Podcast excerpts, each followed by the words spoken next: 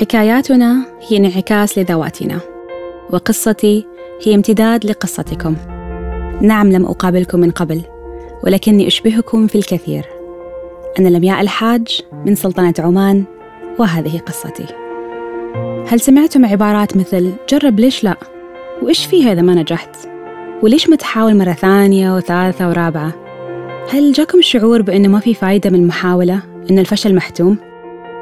هل حلمتم بإحداث فرق ملموس وتغيير ما حولكم؟ لكن ما تعرفوا السبيل؟ إذا كانت إجاباتكم على كل هذه الأسئلة هي نعم فهنا تلتقي قصتي بقصتكم. أنا شخص أحدث فرقا. عبارة أنا متأكد أنه كثيرين منا يتمنوا لو يستطيعوا قولها. هم شايفين الفرق اللي أحدثوه أمامهم. عبارة قد تبدو بسيطة لكن الإيمان الفعلي بها قد يصنع شخصا استثنائيا. شخصا لا يعرف المستحيل. شخص مدمن على العطاء ما يهاب التجربة ولا حتى الفشل. قصتي بدأت بيوم ما زلت أتذكره كأنه البارحة. كان عمري تقريبا خمس أو ست سنوات. ووالدي بروفيسور رياضيات في الجامعة. أذكر أنه أخذنا أنا وأختي الكبيرة إلى قاعة التدريس في الجامعة. وإلى الآن أتذكر شكل المدرجات اللي كان مثل المدرجات الرومانية. واللوح الأسود والطباشير والقاعة الكبيرة. القاعة كانت فاضية ما كان فيها طلاب وطالبات بس الوالد حب يشاركنا هذه التجربة كغيرها من التجارب. ما زلت أتذكر أني أخذت الطباشير وبديت أشخبط على اللوح الأسود وكأني أنا المدرسة والمحاضرة. كنت أحدث نفسي وخيالات الطلاب اللي سكنت هذا المكان. اللي كتبته على اللوح كان شخابيط ما كان له معنى واللي شرحته وتحدثت به كان مجرد جمل كلمات متقطعة ما لها معنى. لكنها كانت البداية. كانت البداية لشرارة أشعلت في داخلي. وبقيت متوهجة منذ ذلك اليوم. أتوقع تسجل هذا الموقف في عقلي الباطني وبدأ الحلم. يمكن في العقل الباطني أيضا. أتوقع هذا كان بمثابة الشرارة اللي ولدت في أفكار إني أكون محاضرة وبروفيسورة في الجامعة. صح يمكن يكون موقف صغير وبسيط ويمكن كلنا مرينا فيها لكن هذه الشرارة هي اللي بقيت. الشرارة اللي بدأ منها مشوار الألف ميل. استمر الحلم لسنوات كثيرة وكبر وكبرت معه. مع تشجيع الوالد على الاجتهاد في المجال الأكاديمي وانبهاري الدائم بعمله في الجامعة وتخريجه لأجيال وإحداث فرق في المجتمع. لكن لحظة خلوني أخذكم لليوم اللي أشعل شرارة العلم وحب الأحياء في داخلي حتى اخترته يكون مجالي المستقبلي أذكر كان في الصف الحادي عشر قابلت أبلة عليا. الله يذكرها بالخير. كانت معلمتي لمادة الأحياء وهي اللي خلتني أعشق الأحياء بأسلوبها. أنا كنت طالبة مشاغبة جدا جدا ولكن كنت شاطرة ومن الأوائل على المدرسة. كان عندي طاقة كبيرة وكان صعب احتوائها. لكن أبلة عليا كانت من المدرسات القليلات اللي كانت تسمح لي بإخراج طاقتي هذه خلال الحصة الدراسية. كانت تخليني أتكلم وأشارك على كيفي. كانت تعطيني حرية التصرف فحسيت بالأريحية في دروسها. وبدأت أستمتع جدا بمادة الأحياء. أتذكر مرة كانت تتحدث عن التوأم المتشابه. فأنا فجأة قاطعتها وقلت أبلة عليا أنا أريد أطلع من الحصة. وسألتني عن السبب قلت لها ما في سبب أريد أطلع بس. قالت لي طيب اطلعي. طلعت وتوجهت للصف السابع في الطابق الأرضي للمدرسة. في الصف السابع كان هناك توأم متشابه. دقيت الباب وقلت للمدرسة أن أبلة عليا كانت تشرح عن التوأم وطلبت مني أن أحضر التوأم المتشابه في الصف عشان تشرح عليهم. رجعت إلى صفي في الطابق العلوي ودخلت معي التوأم وطلبت من أبلة عليا تكمل الشرح ولكن هالمرة على التوأم. ومع ابتسامة أبلة علي واستسلامها لرغبتي وتوفيرها للشعور بالأريحية بدأ حب الأحياء ينمو في داخلي أكثر وأكثر. كانت أبلة عليا توفر مزيج ساحر من الشعور بالأريحية بقاعة التدريس. كان مصدر إلهام بالنسبة لي. كان مصدر إلهام في اختياري التخصص الدراسي وأيضا مصدر إلهام لي كمحاضرة فيما بعد. أما عن الشيء اللي كان يدفعني كل مرة أخطو خطوة جديدة في حياتي فكان أكيد والدي. آه، من يوم إحنا صغار كانوا الأهل يشجعونا نخطو خطوات جديدة ونجرب أشياء جديدة نشترك في أنشطة مختلفة. وما كنا محاسبين إذا أخطأنا أهم شيء كان بالنسبة لهم التجربة والمحاولة. تجربة كل شيء جديد وغريب ونحاول مرة تلو الأخرى.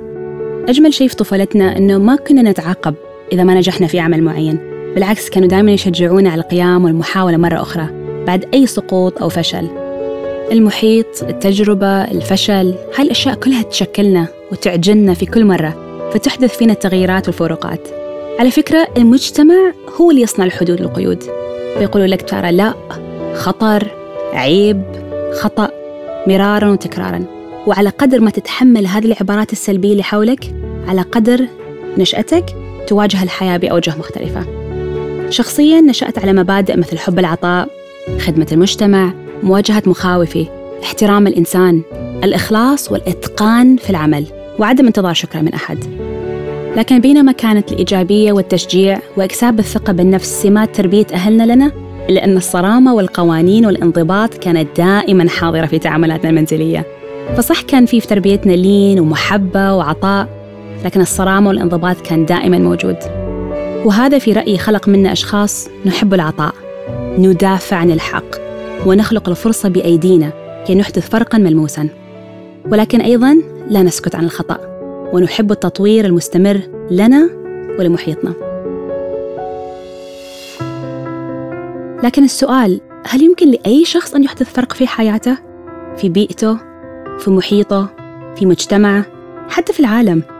ما في إجابة صحيحة أو خاطئة وعلى فكرة الإجابة ممكن تختلف في مراحل عمرية مختلفة وعلى حسب مواقف معينة أنت مريت فيها وهذا الأمر طبيعي جدا في ناس تبدأ بالشعور بالعجز أو التخوف في الشك من قدراتهم ويكتسبوا الثقة لاحقا وفي هناك من يبدأ بخطوات واثقة تتحول فيما بعد إلى شك في القدرات أو استياء من التغيير ليش؟ بسبب فشل المحاولات الأولى بالعادة الخبر الجميل هو سواء كنت من هذه المجموعة أو تلك بعده في فرصة أنك تصير محرك للتغيير ووقود العطاء وأول ما نقتنع واللحظة اللي نقتنع فيها أنه يمكن أن نحدث فرق فالسؤال التالي يكون ما الذي يحتاجه الإنسان للتغيير الأفضل؟ اسمحوا لي أشارككم تجارب ألهمتني أنا شخصياً. وهذه طبعاً تجارب شخصية متواضعة في أحداث التغيير في محيطي واللي تتلخص بالنسبة لي في خمس عوامل أساسية. أولاً الشغف. وبديت بالشغف لأنه بالنسبة لي أقوى عامل وهو اللي رح يساعدك على الصمود وتكرار المحاولات. ثاني شيء ثقة بالنفس وهو عامل مهم جدا للتقدم وطرق الأبواب. الهدف. وضوح الهدف. من الضروري جدا أن يكون عندك هدف وهدف واضح مبرر قوي لإحداث أي تغيير. طبعا الصبر عامل لإدارة التغيير لأنه في صعوبات كثيرة وتحديات كثيرة حتواجهك في تحقيق طموحك وأحلامك. ومثل ما قال روبن شارما All change is hard at first, messy in the middle, and gorgeous at the end. خامساً تبدأ بتغيير نفسك. مثل ما قال غاندي Be the change you want to see in the world. ضروري جدا يكون عندنا وقفة مع أنفسنا وفعلا نحاول جاهدين عشان نطور أنفسنا كل يوم نهذبها ونغيرها للأفضل. لأن لما الناس تشوف أنه أنت على قد الثقة يصبح تقبلهم لأفكارك للتغيير أسرع وأسهل. وهنا حابة أشارككم قصة ألهمتني أنا شخصياً وجعلتني أؤمن بالقدرة على إحداث التغيير. لما رجعت من دراستي تقريبا من ست سبع سنوات حصلت أن طرق التعليم في الجامعة اللي تخرجت منها وأعمل بها الآن ما تطورت بالحجم اللي تمنيته. يعني ما كانت واكب العصر في استخدام تقنيات التعليم ومهارات التدريس بالشكل الموسع. إلا بمبادرات فردية متفرقة. قررت وقتها أني أستلم زمام الأمور في تطوير آلية التعليم في مادة الأحياء العامة. ومن حسن حظي أن الله رزقني برئيسة قسم تؤمن بقدراتي وتستوعب طاقتي فسهل علي المهمة كثير. وما ترددت في تعييني منسقة لمادة الأحياء العامة وأعطتني الضوء الأخضر للتغيير. لما طلبت شراء أحدث التقنيات المستخدمة في التعليم وهو الواقع الافتراضي تأسفت رئيسة القسم. كون ما كان في عندنا في القسم إمكانيات المادية لشراء 100 نظارة في آر لتخدم هذا النوع من التعليم. طبعا الحين أنا كنت أمام خيارين. يا أني أتذمر من الوضع وألعب دور الضحية وأبدأ ألقي بأصابع الاتهام على الكلية أو الجامعة أو غيره. وبعد ما أنتهي من هذه الشكوى والتذمر أستسلم. أو الخيار الثاني أني أجد طريقة أخرى لتحقيق هدفي. أذكر أني قلت لرئيسة القسم ما في أي مشكلة دكتورة أنا بتصرف. وخرجت من مكتبها بدون أدنى فكرة. كيف سأحقق أهداف تغيير المقرر وطريقة التعليم بدون أي مصادر ودعم مادي؟ ولكن صدق من قال الحاجة أم الاختراع. ومن شدة إصراري على التغيير وتمسكي بقراري جتني فكرة وهي التعاون مع مؤسسات أخرى في السلطنة وطلب الدعم منها. فكرت في مجموعة شركات ودرست اهتماماتهم في الأعمال والخدمة المجتمعية إلى وصلت إلى شركة تركز على دعم التعليم المدرسي.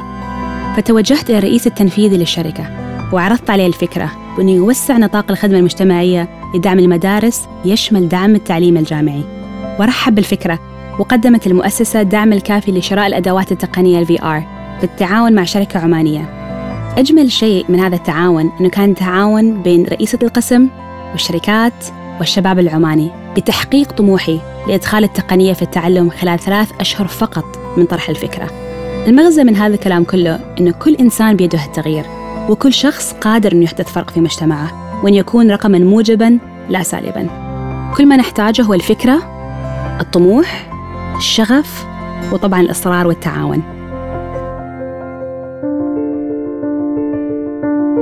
أخيرا تخيلوا معي لو كل شخص آمن أنه له أثر في محيطه وما خاف من المحاولة وكان مستعد يغير نفسه قبل محيطه وفتح بصره لأوجه التعاون وواجه التحديات اللي مر عليه في حياته. بدل ما يهرب ويستسلم. تخيلوا حجم التغيير اللي بيصير حوالينا لو كل شخص شعر بأهمية دوره في المجتمع. أيوة كل واحد فينا يمكن يلعب دور فعال. وسمعنا القصص اللي بخطوة بسيطة يمكن تحدث فرق كبير. ما تستهينوا بأبسط الخطوات نحو التغيير. خلونا نكبر وتكبر الثقة في أنفسنا. خلونا نحس بالاطمئنان والشعور بالراحة لما نجرب شيء جديد وما نخاف من النتيجة. خلونا ندور كل فرصة نطور فيها أنفسنا ومحيطنا. خلونا نكبر ويكبر فينا العطاء. حب الناس حب التغيير والتطوير المحاولة وعدم الخوف من الفشل. نكبر ونحن حابين نتعلم من الأخطاء وما خايفين منها وفي فرق بين الأمرين. هدفنا أن نصنع قادة يغيرون مجرى التاريخ ويعيدون الأمة بإذن الله. وأنتم هؤلاء القادة. أنتم مفتاح التطور ومحرك التغيير. لمياء الحاج.